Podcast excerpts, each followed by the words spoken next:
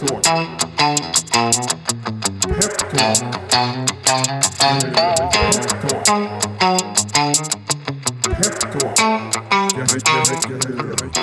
Då säger vi varmt välkomna till eh, podden Peptalk. Äntligen ett eh, nytt avsnitt. Det har varit litet, eh, eh, litet längre break sen, eh, sen det första avsnittet i år här.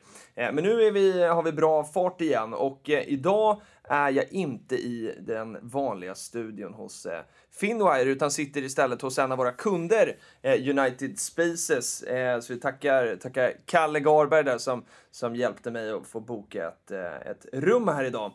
Eh, vi kanske får anledning att komma tillbaka till varför vi är här just idag. Eh, men det tar vi, tar vi kanske i nästa avsnitt. Med mig idag i alla fall så har jag min kollega Linda Lagerkrans. Varmt välkommen till podden. Tack Filip. Hur känns det att vara här då? Jättekul. I podden eller på United Spaces? Nej men med dig. Ja, ja men vad trevligt. Ja. det är väldigt roligt att, eh, att ha med dig i podden. Vi har ju alltid jävligt kul ihop du och jag. Mm, verkligen. Jag tänkte så här att eh, vi börjar med att ställa frågan vem är Linda? Ja, eh, jag är investment manager och eh, pro projektledare på Peppins. Eh, och jag hjälper bolag att ta in kapital från det att eh, de kontaktar oss till dess att eh, vi har eh, fått in pengarna på kontot så att de kan börja jobba åt bolagen.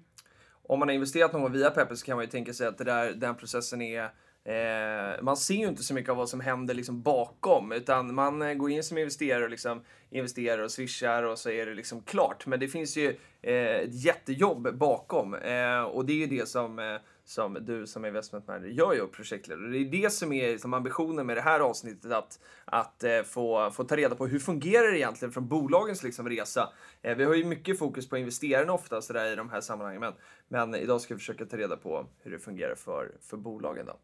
Eh, men eh, och, om vi ska liksom lägga peppins åt sidan vad, och, och så fråga vem är Linda då? Vem, eh, vem är Linda när du inte håller på med med in, in, eh, vad heter det? Corporate finance Ja, och corporate inve- finance. ja, så här, finansbranschen.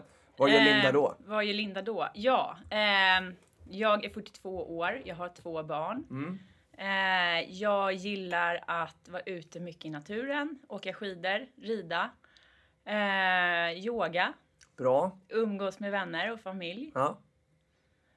Ja, Det som man behöver helt enkelt. Mm. Allt, som, allt som ger energi sådär. Har du egen häst? Nej. nej det har jag inte. Nej. Jag, jag brukar rida på Djurgården faktiskt. Okej, Ri- Djurgårdens ridskola. bra. Mm. Eh, för det, ha egen häst och sådär, det är ju jäkla investeringar på investeringar. Ja, det, det kostar nog mer än vad det eh, ger Ja. avkastning. Ja, jag förstår. Det är ju roligt. I alla men- fall i pengar, det kanske är avkastning i någonting annat då. sådär. Exakt. Men det tar en eh, massa tid också i anspråk har jag förstått. Mm. Nej, men jag, jag har så att det räcker. Tid Att och göra. pengar. Ja. ja men det är bra, ja, men jag förstår. Ja men då kan det ju vara nice att kunna liksom eh, eh, hålla på med en hobby när man önskar och inte behöva, behöva hålla på med det hela tiden sådär. Mm. Du och jag började ju ganska samtidigt Mm. på Peppins. Eh, Du är lite före mig våren 2018. Eh, Så vi börjar närma oss eh, första året här. Mm. Hur hittade du till Peppins? Eller hittade Peppins dig? Eh, nej, det var faktiskt jag som sökte upp eh, Julia. Okej, Eh, vår VD. Var, ja, våran VD. Jag, eh, jag hade hört, genom Peppins, eller hört om Peppins genom en god vän till mig. Och Mm. eh, jag har jobbat inom finansbranschen hela min karriär egentligen. Och eh, varit på lite olika ställen och jag kände att jag ville prova på något som är Ja men, ja men kanske är lite annorlunda, lite nyare, inte så konservativt utan som, som står för förändring. Mm. Eh, och jag tyckte det också var kul att eh, Peppins faktiskt har en kvinnlig VD, vilket är rätt ovanligt inom finansbranschen. Ja, verkligen. Och det, det är nästan ovanligt, eller det är verkligen ovanligt i näringslivet överlag, men kanske ännu mer i finansbranschen sådär då. Mm. Eh, men, men kan vi inte liksom ta, för att liksom förstå din bakgrund och liksom sådär, eh, varför du är så duktig på liksom vad du är sådär. Vad, vad, kan du berätta om eh, vad du gjorde innan Peppins? Liksom? Hur, eh, hur såg karriären ut fram till dess? Eh, jag har gått på Handelshögskolan. Ja. Jag har alltid varit intresserad av aktier faktiskt redan sedan mellanstadiet. Okej. Skrev jag ett specialarbete om aktier. Gud vad kul! Ja. Var kom det intresset ifrån då? min mamma tror jag, hon jobbar på, på Nordea. Ah. Och jag fick följa med henne när jag var liten till jobbet. Så jag tror att det var på den vägen. Bra. Eh, och sen eh, eh, kom jag in på Handelshögskolan och där sökte jag ett extrajobb ehm, på ett företag som heter Arthur Andersen, Corporate Finance. Som låg vägg i vägg med Handelshögskolan. Så att jag jobbade extra där under min studietid. Så det var så jag kom in på Corporate Finance egentligen. Ja. Och sen har jag varit på olika ställen inom finansbranschen. Eh, industrivärlden. Jag började jobba på EQT direkt efter jag tog examen från Handels. Eh, sen har jag varit nu senast på Brummer Partners på deras IR-avdelning och även på Nordea Leverage Finance. Så Okej. att jag, jag har varit på lite olika ställen eh, och jobbat med olika delar eh, kan man säga. Och jag tycker att eh, det som jag gör nu är nog kanske det som är mest spännande och där jag känner att jag kan tillföra mest. Eh, den här typen av bolag behöver ta in kapital och det är inte jätteenkelt att, eh, att plocka in pengar från investerare. Eh, och ja, de, de behöver eh, min kompetens Ja. och min hjälp, eller vår hjälp skulle Ja. jag säga. Men kan, men kan du inte... För så här, corporate finance känns som så här... ja, men det är lite häftigt, mytomspunnet finanslingo-ord sådär. Ja. Vad, vad, och så här, rakt översatt betyder det företagsfinansiering. Det låter inte lika spännande. Eh, men, men vad är liksom corporate finance för dig? Vad, för vi har ju liksom ett, kor, ett korpteam kallar vi Just liksom det. sådär på, Ja. eh, på Peppers. Vad, vad är corporate finance? Ehm, ja, eh, Corporate Finance på Peppins är att vi hjälper bolag att ta in kapital, eh, tillväxtkapital. Mm. Så, att de, eh, ja, men så att vi kan hjälpa dem att möjliggöra deras resa. Mm. Eh, och eh, vi hjälper ju bolag som är men som har en beprövad affärsmodell så det är inte rena startups. Nej. Men de kanske har svårt att ta in kapital via ja, men deras bank. Eh, de kanske inte klarar av att eh, ta lån och betala amorteringar och ränta. Nej. Så att därför är eget kapital ehm, Billigare då? ja, kanske? ja, men lättare Ja. för dem att kunna ta in. För jag tror att många dörrar är stängda för den här typen av bolag. ja. Eh, så att det gäller att det finns investerare som är villiga att gå in och ja, men, va- vara med på en resa som eh, kanske det är förknippat med högre risk men också högre avkastning. Eh, vissa av de bolagen vi jobbar med kommer gå väldigt bra. Andra kommer gå mindre bra. Och det här känner ju banken till och de är ju inte lika villiga att ta den risken. De har ju inte samma uppsida som Nej. en ehm, som en investerare har som går in med aktiekapital. Nej, för att banken ger ut lån och den vill de ha tillbaka medan vi som Ja. köper aktier har en uppsida i att värdet kan gå upp sådär då. Precis. Mm. Ja, men spännande. Hur, hur det skiljer sig med, från de här mer liksom, traditionella corporate finance eh, liksom, firmorna, om vi tänker på det första corporate finance jobbet du hade då under studietiden på Handels. Eh, skiljer sig liksom, eh, ja, men, det, det du gör, för processen känns ju som att att, att ta in kapital med allt vad, vad det innebär som vi ska gå igenom idag känns ju som att ja, men det, det borde vara hyfsat lika. Är det, upp, Upplever du det så också eller är det det du gör idag på Korpen, är det något helt annat från det första jobbet du hade? Liksom? Är, ser processen, är den hyfsat lika? Ehm, alltså den är ju lika så tillvida att, eh, att vi hjälper bolag att ta in kapital, att vi kontaktar investerare, sätter ihop material. Men sen skulle jag säga att vi jobbar ju mycket mer digitalt Ja. Än eh, många andra corporate finance-firmor och, och banker gör. Vi har ju en digital plattform som vi använder oss av. Så att eh, eh, på så sätt skiljer sig våran process. Eh, så, och sen eh, Sen skulle jag nog säga att jag tycker att det är spännande att hjälpa den här typen av bolag. De är lite mindre och kanske inte samma erfarenhet och ehm, ja, de har inte hunnit bli så stora. Eh, så, att, så det finns mycket att göra. Mm. Och där känner jag att vi kan hjälpa dem. Att det finns liksom, eh, när man träffar de här bolagen så bidrar, att vi bidrar med en, med en kompetens för liksom finansbranschen på ett sätt så att de inte har det själva. Är det det vi menar med det?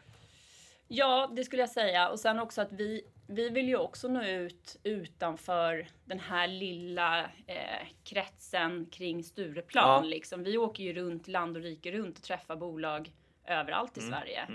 Eh, senast har jag jobbat med eh, en emission för ett eh, bolag som är baserat i Växjö. Just det, SkyMap ja. SkyMap. Och det var jätte, det är jättespännande och jättekul att träffa bolag ute i landet. Och um, entreprenörer. Det finns en enorm drivkraft hos, hos folk i hela landet som, som vi behöver ta tillvara på på ett bättre sätt kanske. Verkligen, verkligen.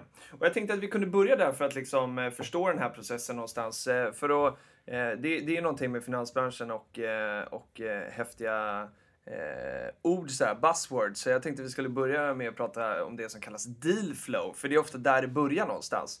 Kan du förklara vad det är för något? Dealflow. Mm.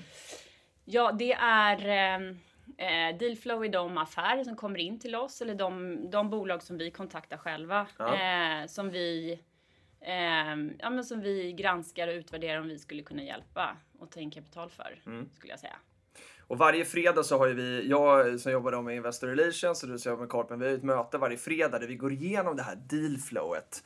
Eh, hur, hur liksom eh, hittar bolagen till oss? Alltså de, de, de här som, som, som du och Latif och Daniel går igenom ofta då, eh, och Julia för den delen. Eh, hur, eh, är det sådana som ni har sökt upp själva eller har de liksom hittat till oss? Eller så här, hur funkar det? För det är, ganska, det är ganska många bolag. Det är väldigt många bolag. Ja. Ja, det är väldigt mycket att göra. Ja, jag kan tänka mig det. Men är det, hittar de till oss eller? eller eh, ja, men både och skulle jag Sitter det i säga. telefonkatalogen? eller alla bolag, eller vad var det? Hitta bolag någonstans? Ja, eh, men, eh, ja, kanske inte så mycket i telefonkatalogen, men eh, vi har eh, nej, men vi har många bolag som kontaktar oss eh, och som är intresserade av Peppins och gärna vill träffa oss och eh, berätta om sig och in kapital via vår plattform. Sen har ju vi också genom vårt nätverk eh, personer som kanske äger flera bolag som vill ta hjälp av våra tjänster. Ja, just det. Ehm, och det kan också vara bolag som vi kontaktar som vi tycker verkar vara spännande. Vi är även ute på DI Gasell Mm. eh, och träffar bolag den vägen. Mm. Så att det är aktiespararna. Den, ja, så, att det, så det kan vara på lite olika sätt. Mm. Vad, hur, hur brukar det här liksom första mötet gå till då? Du får in ett spännande bolag i mejlkorgen som, eh, som eh, säger att hej, vi söker pengar och sådär. Vad, Mm. vad, hur, hur, hur är första kontakten? Ringer upp dem sådär? Ehm, ja, jag brukar faktiskt eh, först och främst brukar jag titta lite på det finansiella. Mm. Omsättning och lönsamhet, eh, affärsmodell. Jag kanske Skickar de in det från början ofta eller är det... Nej, utan det är mer bara att ja, den här personen på det och det bolaget vill bli kontaktad Mm. utav oss. Eh, och då gör jag lite research, lite snabb research. Ehm, och eh, så gör jag en snabb bedömning om det här bolaget är av intresse. Eftersom vi tar in kapital från 10 miljoner och uppåt så Mm. kan det ju... Så, eh, de här bolagen måste ju ha en viss omsättning och lönsamhet för Ja. att vi ska kunna hjälpa dem. Har vi några sådana gränser liksom? Har vi satt upp några regler för det eller är det, går, vi, går vi lite på... Är det från fall till fall sådär? Ja, vi har, ja men vi, ja, jag skulle säga att vi, vi, vill ju, vi, vi riktar oss till bolag som ska ta in kapital från 10 miljoner upp till 200 miljoner. Men eh, vi har ju även hjälpt Färsking till Just exempel. Det hjälpte vi ju i somras eh, eller höstas att ta in Mm. kapital. Och det var ju en mycket mindre emission. Men då, då ska det vara någonting väldigt speciellt eh, eh, just med det specifika bolaget. Jag vet, Inga regler utan undantag då? Nej, precis. Nej, men så, så skulle jag nog säga. Mm. Men för att våran affärsmodell ska bli lönsam, det tar ju ganska mycket tid att ta fram allt material och det är en rätt lång process eh, och då blir det svårt att få lönsamhet om vi ska hjälpa företag att ta in några miljoner. Ja, exakt. Det blir dyrt par, ja, för bolaget dyrt. också egentligen då. Ja, det blir det och det blir dyrt för oss Ja. i tid. Mm. Eh, och oftast eh, bolag brukar kunna ta in några miljoner på egen hand Mm. eh, i, i sina nätverk. Just det. Men sen när man ska gå upp lite till, till lite större emissioner så eh, behöver man ta hjälp av fler investerare. Mm. Eh, På vår hemsida då, eh, vi, vi har en sån här femstegsprocess som vi beskriver på hemsidan. Jag tänkte vi skulle ha den som grund. Eh, och där, där vi säger att vi, eh, en del i den här utvärderingsprocessen är att vi vill att våra bolag ska ha ett bigger purpose eh, och ett engagerande why. Vad, vad betyder det här egentligen? Ja, men, eh, det betyder att vi vill stötta och hjälpa bolag som vill åstadkomma någonting och göra världen lite bättre skulle jag säga. Mm. Eh, för det är framtiden. Och då behöver det, så här, måste det vara miljöfråga eller kan det vara liksom att man vill, eh, bara göra en, någonting bättre för liksom sina kunder? Alltså för vem är det man ska göra det bättre? Vad Ja. tittar du efter när du så här, Ja, men jag, men jag kikar på de här nog efter de komponenterna. Eh, liksom är det här bol har det här bolaget en affärsmodell som är ehm, som, som fungerar i framtiden? Mm. Är det, står det här liksom bolaget för någonting som, som ehm, ja, men kan vara med och bidra till tillväxt eh, framgent? Mm. Ehm, det är ju tillväxtbolag vi jobbar med Mm. så att ehm, det är en väldigt viktig komponent skulle jag säga. För världen har ju förändrats rätt mycket de senaste Verkligen. åren. Verkligen. Med ny teknik och mycket mer miljötänk. Mm. En annan, eh, ett annat fokus vad gäller vad vi stoppar i oss. Exakt. Eh, våran hälsa och folk blir mer och mer medvetna. Mm. Och eh, därför är det också viktigt att de bo- bolagen som vi jobbar med eh, har samma perspektiv Mm. som, som samhället i stort och Mm. kan stå för förändring. Men det finns, finns det liksom någon speciell eh, alltså, typ av bransch och sådär vi tittar efter eller, eller tittar, tittar du brett? Är det någonting, jag kan vända på det, är det någonting som kommer in som du skulle så här, är det här kommer jag inte ens ta i? Ja, Finns det något vi väljer bort? nå- ja, absolut. Men rent oetiska verksamheter, Mm. typ porr, Ja, eh, olja, mm. eh, någonting som är miljöfarligt, Mm. hälsovådligt. Eh, Sådana företag, de... De be- går bort behöver inte mejla. bra, då vet de redan i alla fall. Det är bra. Sparar vi, sparar vi varandras tid. Mm. Eh, en annan grej som vi lyfter och som jag tycker det pratas mycket om i liksom, investerarvärlden överlag är ju liksom eh, att det ska finnas ett bra management. Eh, liksom ledning och sådär ska vara bra. Kanske Ja. till och med ägare och så. I, I de bolagen vi tittar på så kan ju ledning och ägare ofta vara, vara samma. Ja. Eh, hur utvärderar man det? Hur vet man om de är bra? Nej, men man, man tittar på vad de har gjort tidigare. Eh, så att det, om, om de har gjort, startat flera bolag och lyckats med den processen i tidigare processer så då är det ju liksom en, en viktig nyckelfaktor till att det här projektet skulle kunna gå bra. Sen är det ju också, det är ju en, mer en känsla kanske också, en personlig bedömning när man träffar människor. Eh, energinivå, engagemang, eh, liksom brinner de verkligen för det här? Mm. Eh, de måste ju kunna an, entusiasmera Ja, eh, de anställda och investerare. Mm. Eh, det är ju det är också viktigt. Så att, eh, mm. Ja, bra. Så det där är inte, inte helt eh, lätt. Man får verkligen, eller jag upplever det, jag har inte jobbat med den här typen av kapitalresning liksom tidigare sådär och man, man inser det att, att eh, det ställer ganska höga krav på ett bolags ledning att gå igenom en sån här process. Alltså inte minst för att allt material som ska tas fram och liksom träffa investerare och sådär. Det är inte, det är inte helt, eh, helt enkelt faktiskt. Nej. En ny situation för många.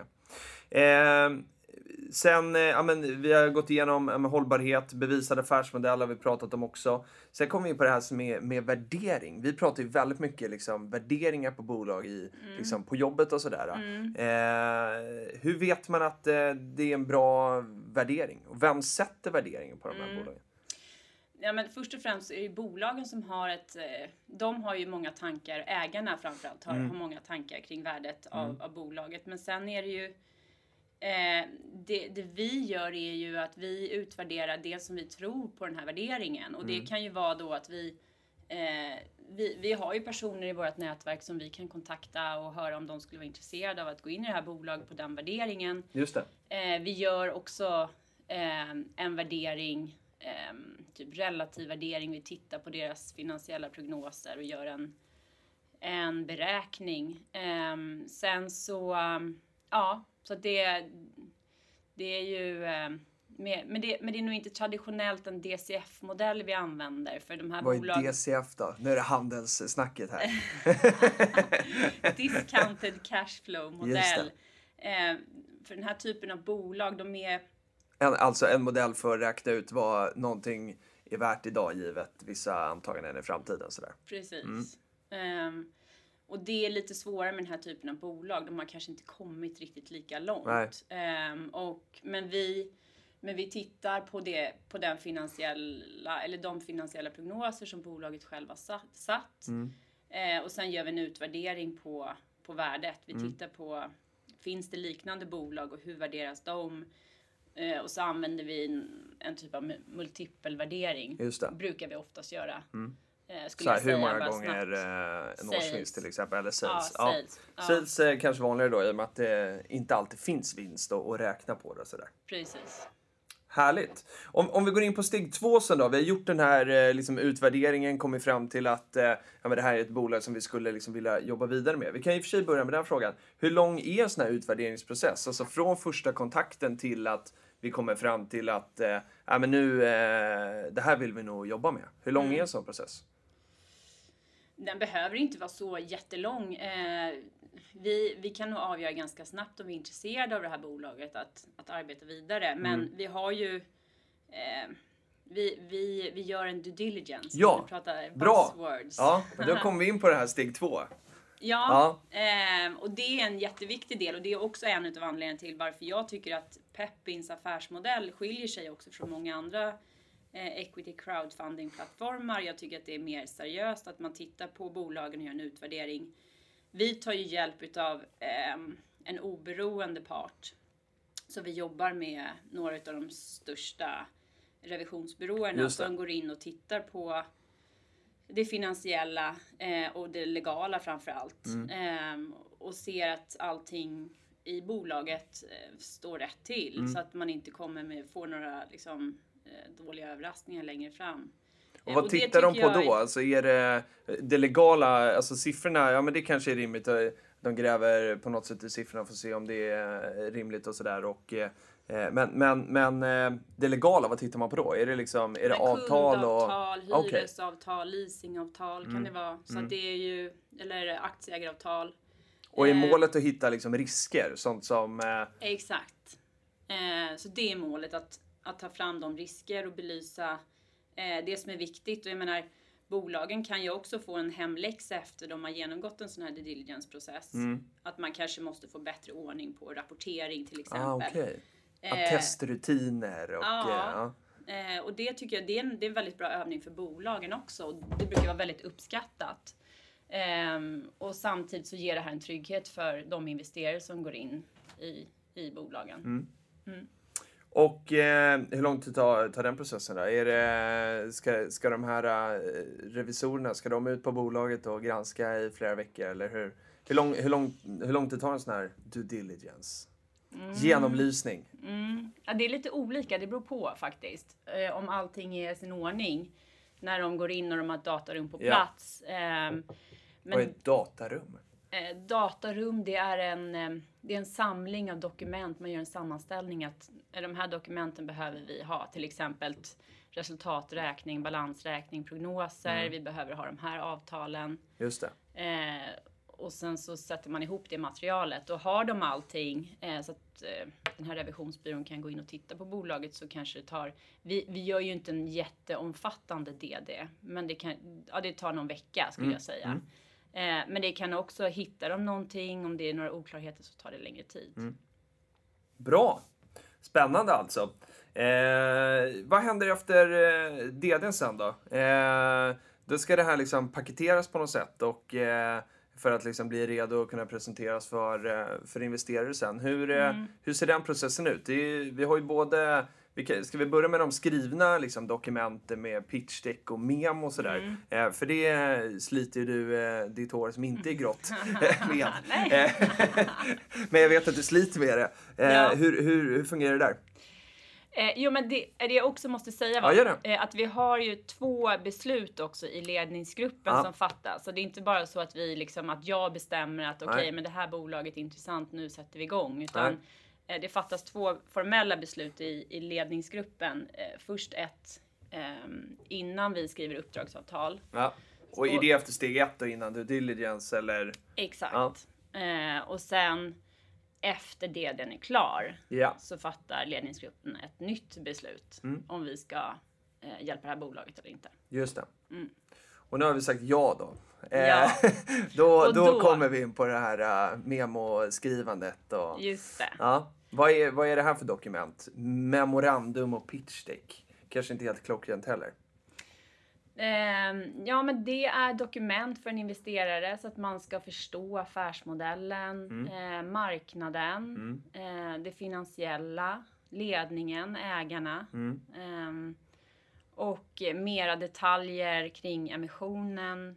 Eh, de legala bitarna finns beskrivet särskilt i IM då. Det är ju mer omfattande. Mm. Pitch deck är en mer liksom, kort version utav IM och kanske mer eh, säljfokuserat.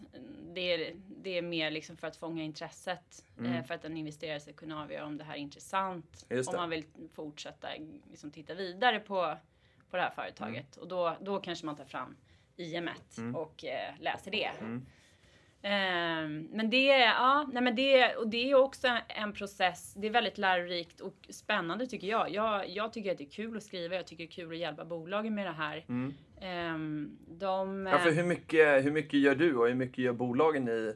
För att om vi tittar då, ett, eh, det här pitch deck, det kan, eller investment pitch, det är så många begrepp eh, sådär. Men, men eh, den kanske är 15-20 sidor eh, och så är memorandumet kanske då, eller IM som du säger, eh, kanske är dubbla, 40 Ja. sånt där. ja, Eh, hur, mycket, hur mycket gör vi och hur mycket gör bolaget? Eh, Det beror på. Eh, Det varierar. Eh, Vissa bolag eh, är, liksom, har det ganska klart och kanske är vana vid den här typen av processer. Eh, Och då kan man skriva, eller då kan de skriva rätt mycket själva. Sen så får ju vi liksom gå in och ja, hjälpa till och korrläsa och göra mindre ändringar då i sådana fall. Men de allra flesta bolag behöver rätt mycket hjälp och stöd i den här processen. Ja. Ehm, och kanske inte har det så liksom tydligt nedskrivet på papper. Eh, strategi, marknad, eh, har gjort en SWOT-analys. De, de jobbar med att liksom sälja sina produkter Exakt. och är fokuserade på det och kanske inte lagt jättemycket tid med att liksom ta fram eh, och skri- skriftligt material kring vad de gör. Nej. Så det hjälper vi dem med då. Och de är ju väldigt bra de här. Jag skulle säga att eh, när jag, för, för de här bolagen brukar komma och gästa podden här då. Eh, och när jag ska göra research eh, in- inför det för att liksom lära känna bolaget riktigt bra. Eh, så, eh, ja, så tittar jag både i, i pitchdecket och eh, memorandumet såklart. Men, men, eh, men sen brukar jag liksom, eh, jag brukar följa, här är lite hemlighet då, men jag brukar ju följa liksom det här pitchdecket och försöka hitta ungefär samma röda tråd. För det är lite som du säger, jag tycker den eh, ja, men den, den ska förhoppningsvis skapa ett intresse eller få någon att känna eh, lite på magkänslan. Är det här någonting jag vill titta vidare på? Eller känner jag att så här, nej, det här passade, passade inte mig.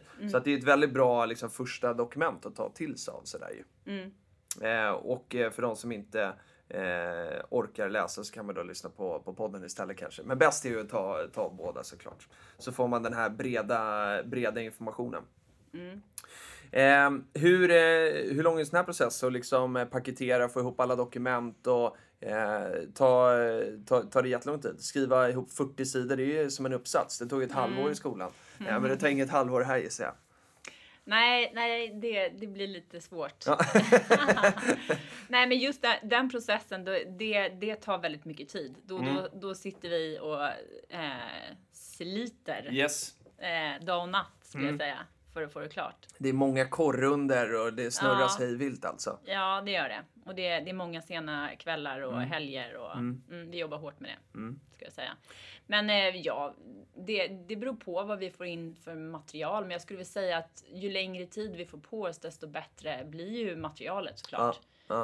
Eh, men från det att bolaget kontaktar oss tills dess att pengarna finns på deras konto, alltså hela emissionsprocessen, brukar vi säga tar mellan tre till sex månader. Just det. Ehm, och då har vi liksom rätt gott om tid på oss. Eh, det kan gå snabbare, men då, då blir det väldigt stressigt.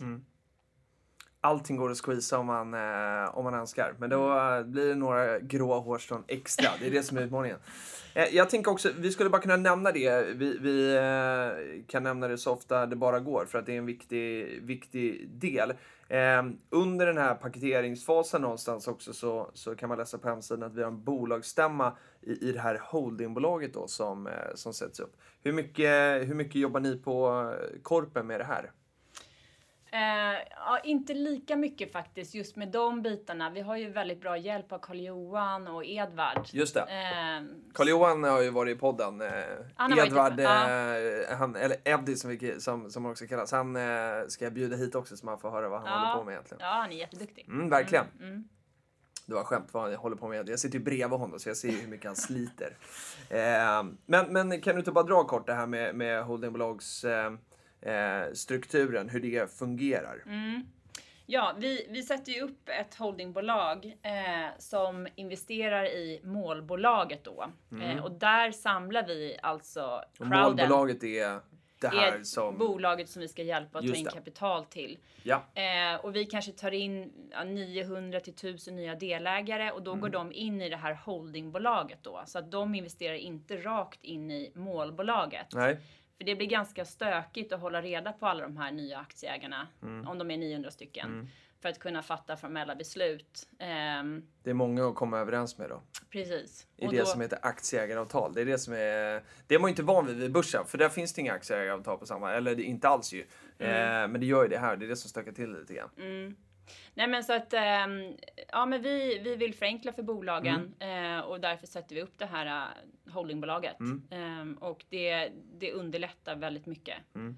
eh, i, i process för att kunna fatta strategiska beslut framgent. Mm. Så det, mm. Och, då, ja, men, och då är det såklart lite formalia liksom kring det här då. Men, men i den här eh, styrelsen så sitter ju då alltså samma styrelse som i målbolaget under, under teckningsperioden. Var, varför Mm. gör man så? Eh, jo men det gör vi innan, innan dess att vi har, har valt in en ny styrelse. Mm. Så, så, så, så tillsätter vi bara, eller då sätter vi samma styrelse som sitter i målbolaget och sen, sen byter vi ut den. Mm. Ehm, Så att det här representerar holdingbolaget eh, eh, mer då. För det är det som är, det som är tanken ju. ja. Eh, sen någonstans då så, ska, så kommer det här upp på sajten. Man ska liksom eh, kunna, ja men vi öppnar upp för investering och sådär. Eh, och då kommer vi in på eh, någonting som vi, vi jobbar mycket tillsammans med också, sådär, träffa, träffa investerare och så. Hur, eh, hur, hur känns det för dig som liksom är projektledare under det här och träffa, eh, man liksom har jobbat så mycket med ett bolag så länge och sen ska man komma ut eh, i verkligen då på något sätt och liksom i eldprovet få höra vad investerarna tycker. Hur, hur upplever du de tillfällena? Eh, ja, men jag tycker det, det är ju jättespännande och det är ju egentligen en process som kanske påbörjas innan allt materialet är klart också. Vi, vi går ju inte bara ut och liksom testar om det här bolaget Nej. funkar utan vi har eh, tagit reda på det lite grann innan och stämt av med några större investerare.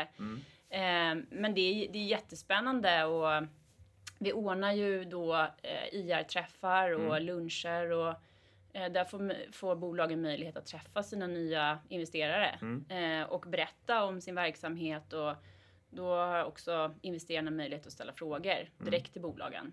Så att det, är- det är ett bra tillfälle. Eh, och där vill vi också hjälpa till och, och stötta så att eh, ja, men bolagen är förberedda på de frågor som kan komma och eh, sätta ihop material till dem så att de gör så bra ifrån sig som möjligt. Det är inte helt lätt att uh, kliva in i ett rum med, det kan ju vara liksom 10 upp till 60 personer har vi ibland på, på, på de här träffarna som eh, eh, är vana investerare och ställer kritiska frågor. Det är inte helt lätt.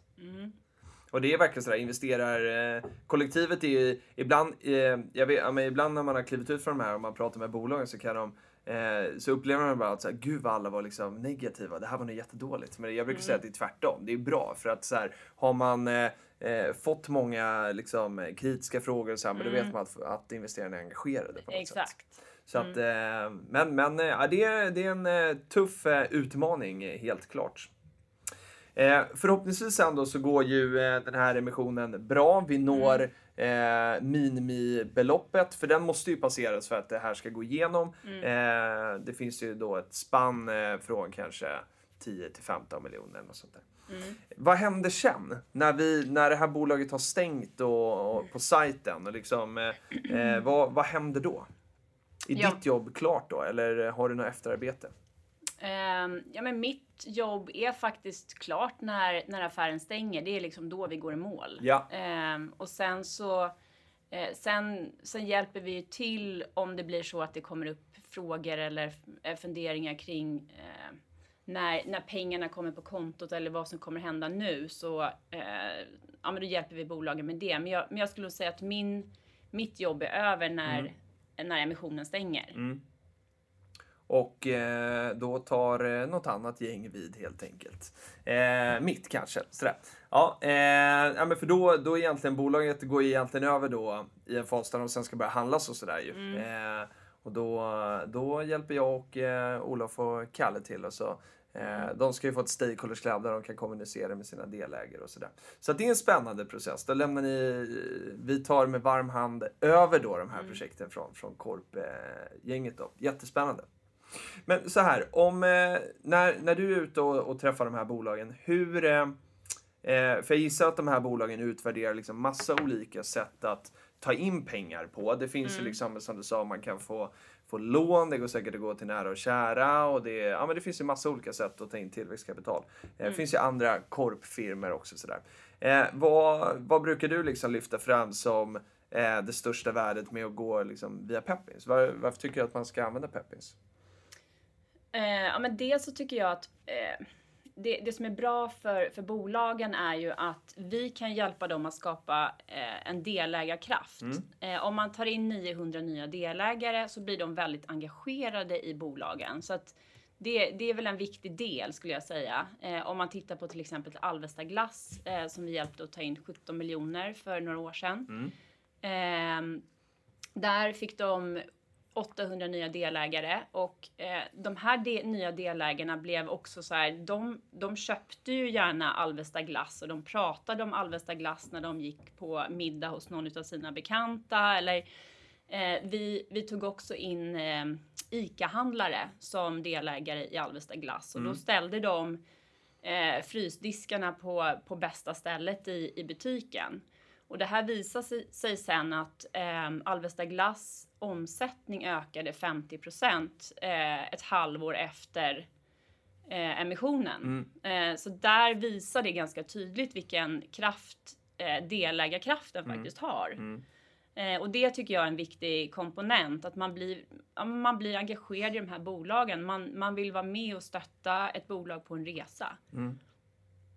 För vilka, när skulle du säga att när en affär inte går i hamn? För att för dig, eller liksom, eh, och, och liksom korptid, när ni är ute liksom och träffar de här bolagen och ja, men det sker såklart en förhandling och det är liksom sådär. När, när, i, i vilka fall går det liksom inte i mål? När, när väljer bolagen bort Peppins? Den här har jag inte förberett dig på, men jag tänker det kunde vara intressant att, när, eh, när, när väljer man någonting annat?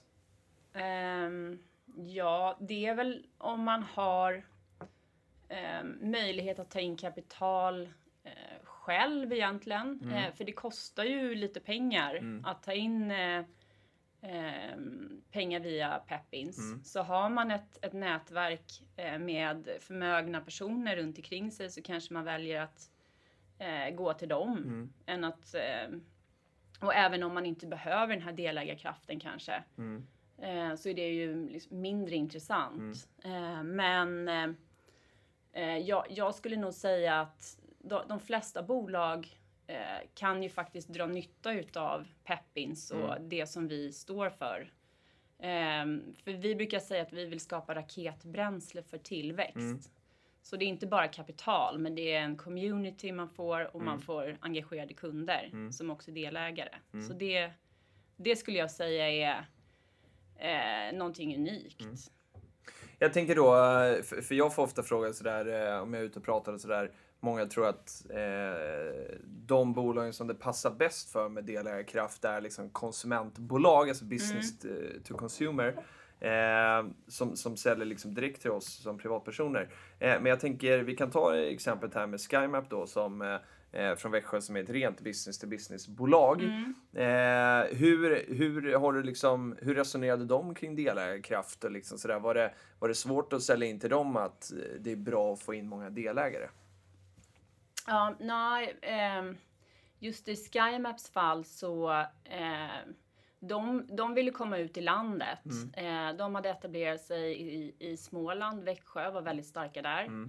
Eh, och hade eh, nya samarbetspartners i Stockholm och Göteborg och ville ut i Sverige Ja. och växa. Och eh, vi sätter ju upp en marknadsförings och PR-kampanj i samband med emissionen som eh, det har faktiskt visat sig även för SkyMap, eh, trots att det är ett business to business case, att De, de skulle ut och rekrytera nya, en ny VD Mm. eh, och ny personal. Och eh, de fick ett väldigt uppsving i samband med den här emissionen. Det blev uppmärksammat i, i pressen, Mm. i, i Dagens Industri, i lokalpressen. Ehm, och vi har ju också 50 000 medlemmar i vårt nätverk. Mm. Eh, som, eh, som fick veta mer om, om SkyMap. Så att det blir ju, bolaget får en, en annan uppmärksamhet än om man går till en korpfirma på, på stan. Mm. Som kanske träffar ett fåtal utvalda personer. Just det. Eh, så, att, eh, så även där skulle jag säga att ehm, ja, det blev väldigt framgångsrikt eh, för dem. Häftigt. Mm. Eh, jag tänker att vi skulle bara lyfta också från eh, eh, vår kollega Karin. Eh, hon eh, tar emot väldigt många samtal, får eh, mycket mail och sådär från, eh, från entreprenörer som, eh, som är intresserade av att ta in pengar via oss. Eh, de kommer inte alltid direkt till liksom, Korpen, vi är ju ett ganska litet gäng. Och hon, hon skickade, eh, för jag, jag berättade att vi skulle spela in en sån här podd och då, då skrev hon till mig så här att eh, hon ville slå ett slag för alla idérika och modiga entreprenörer där ute i stort och smått. De som ringer in till oss med galna affärsidéer som stretar på med sina bolag i källarlokaler, som tar patent för de mest mysko grejerna och som har den gemensamma nämnaren att de behöver cash för att förverkliga sin dröm. Många gånger har man garvat åt olika mejl med bolagspitch om allt från osynliga badrumsmattor, oetisk diamantbrytning i djupaste, djupaste Afrika, cannabisproduktion i Östeuropa till små manicker som ska hjälpa dig med ett problem som du som konsument inte visste att du hade. Eh, jag tyckte det här var väldigt, eh, det var väldigt fint. Hon är otroligt duktig på, på att uttrycka sig, Karin. Eh, är, är det, hur många sådana här roliga grejer träffar du på? Ehm, ja, jag tror Karin sållar nog eh, ganska Ah. mycket. För att jag, det där har jag inte träffat på. Nej, jag tycker det var ju Ja. jättespännande alltså. Jag- Och apropå oetiskt så verkar cannabis eller diamantbrytning låter som någonting. Osynliga badrumsmattor i och för sig, det låter ju väldigt spännande. det kanske vore något alltså. Ja, det kanske vore något. Jag, jag, jag måste nog fråga henne om det. Jag, nej, det, det är ingenting som jag har kommit i kontakt med. Men, nej. nej, men hon, hon brukar vara väldigt bra på att eh, sålla Mm. eh, i det första skedet. Karin är superengagerad Mm. och eh, verkligen brinner för att Mm. hjälpa bolagen precis som vi andra gör. Ja. Eh, men hon, eh, ja, men hon, är, hon är superduktig. Hon, hon är lite allt i allo. Mm. Har hand om eh, både investerare, våra kunder, men även mot eh, bolagen. Verkligen. Så att, ehm, mm. Jag, jag tycker det ibland känns som att de flesta är lite allt i allo på, på Peppins. Ja. Så det var min nästa fråga sådär. Hur du, eh, nu, nu när vi nästan är ett år in, liksom var du... Eh, ja, men hur, vad, hur tycker du att det är att jobba på Peppins? Eh, ja, men det är jättekul att vara med på den här resan, för vi gör ju också en resa. Vi är ju ganska nystartat företag och eh, vi, ju- vi är ju ehm, en spelare som vill förändra finansbranschen. Eh, så att eh, ja, men första dagen då fick jag köpa min egen dator, gå ner till Apple Store. Ja. Det har jag aldrig gjort förut. Nej. Eh, och det är mycket såna saker man får liksom, ja, men se till att få saker och ting att hända. Det är ingen som gör det åt en. Nej. Eh, så att det gäller att man är ganska eh, ja, men proaktiv och tar för sig, skulle Mm. jag säga. Men det är ju väldigt kul. Och Ja. det är, det är jäkla... Nu, nu sitter vi liksom i partymålet här, men eh, det är ju väldigt roligt. Vi har ju väldigt kul. Alltså, det är ett härligt gäng. Vi är väldigt olika allihopa och det tycker jag är det, eh, det mest roliga faktiskt. Så att, eh, och det ja, men, och som vi inledde här, jag tycker det är alltid roligt att sitta och snacka med, med dig. Vi, ja, vi i och för sig, vi gjorde ett så här personlighetstest. Du och jag fick exakt samma Ja. profil, vilket var väldigt roligt. Jag, jag har nog Och tänkt att vi är Julia. ganska olika. Och Julia. Och Karin. Och Karin. Ja. Ja, men det är därför det, vi fyra håller ihop det helt enkelt. Nej, men det är väldigt roligt. Det är, det är väldigt blandat. Eh, är väldigt blandat med olika människor på. Så det, det skapar en härlig, Mm. härlig dynamik. Och eh, eh, just det här när man får vara lite allt i allo också så eh, ja, men, eh, det vill till att man hugger tag där det behövs och hjälper varandra på något sätt. Sådär. Mm. Och det är du väldigt duktig på Linda, jag måste säga. Är det någonting vi har missat? Är det någonting du vill skicka med som är så här, det här är viktigt för bolagen att veta kanske som lyssnar på det här eller för, Mm. för investerarna som är nyfikna på vad som händer där innan ett case kommer ut? Nej, men jag skulle nog säga att vi, vi vill hjälpa så många bolag som möjligt. Så, men ni, ni är varmt välkomna att kontakta oss. Ja. Eh, och vi vill träffa så många företag som möjligt. Mm. Eh, och hjälpa så många företag som möjligt. Och hur gör man då? då? Är det, går man in på, på liksom sajten? Har vi något formulär eller mejlar man till eh, Karin eller till dig? Eller hur, hur ska man höra av sig? Ja, vi, vi har ett formulär på vår sajt som man kan gå in och fylla i. Mm. Ja. Mm. Eh, man kan även kontakta mig direkt. Eh, linda at peppins.com. Just det. Eh, och Karin också givetvis. Ja. Eh, så att, eller ringa in. Just det. Går också bra. Ja. Härligt! Då hoppas vi på många spännande och galna och icke oetiska idéer då, helt enkelt. Eh, och så får vi se vad, vad det här dealflowet har att bjuda på 2019. Tack så mycket för att du kom till podden Linda. Tack. Ha det bra! Hej då.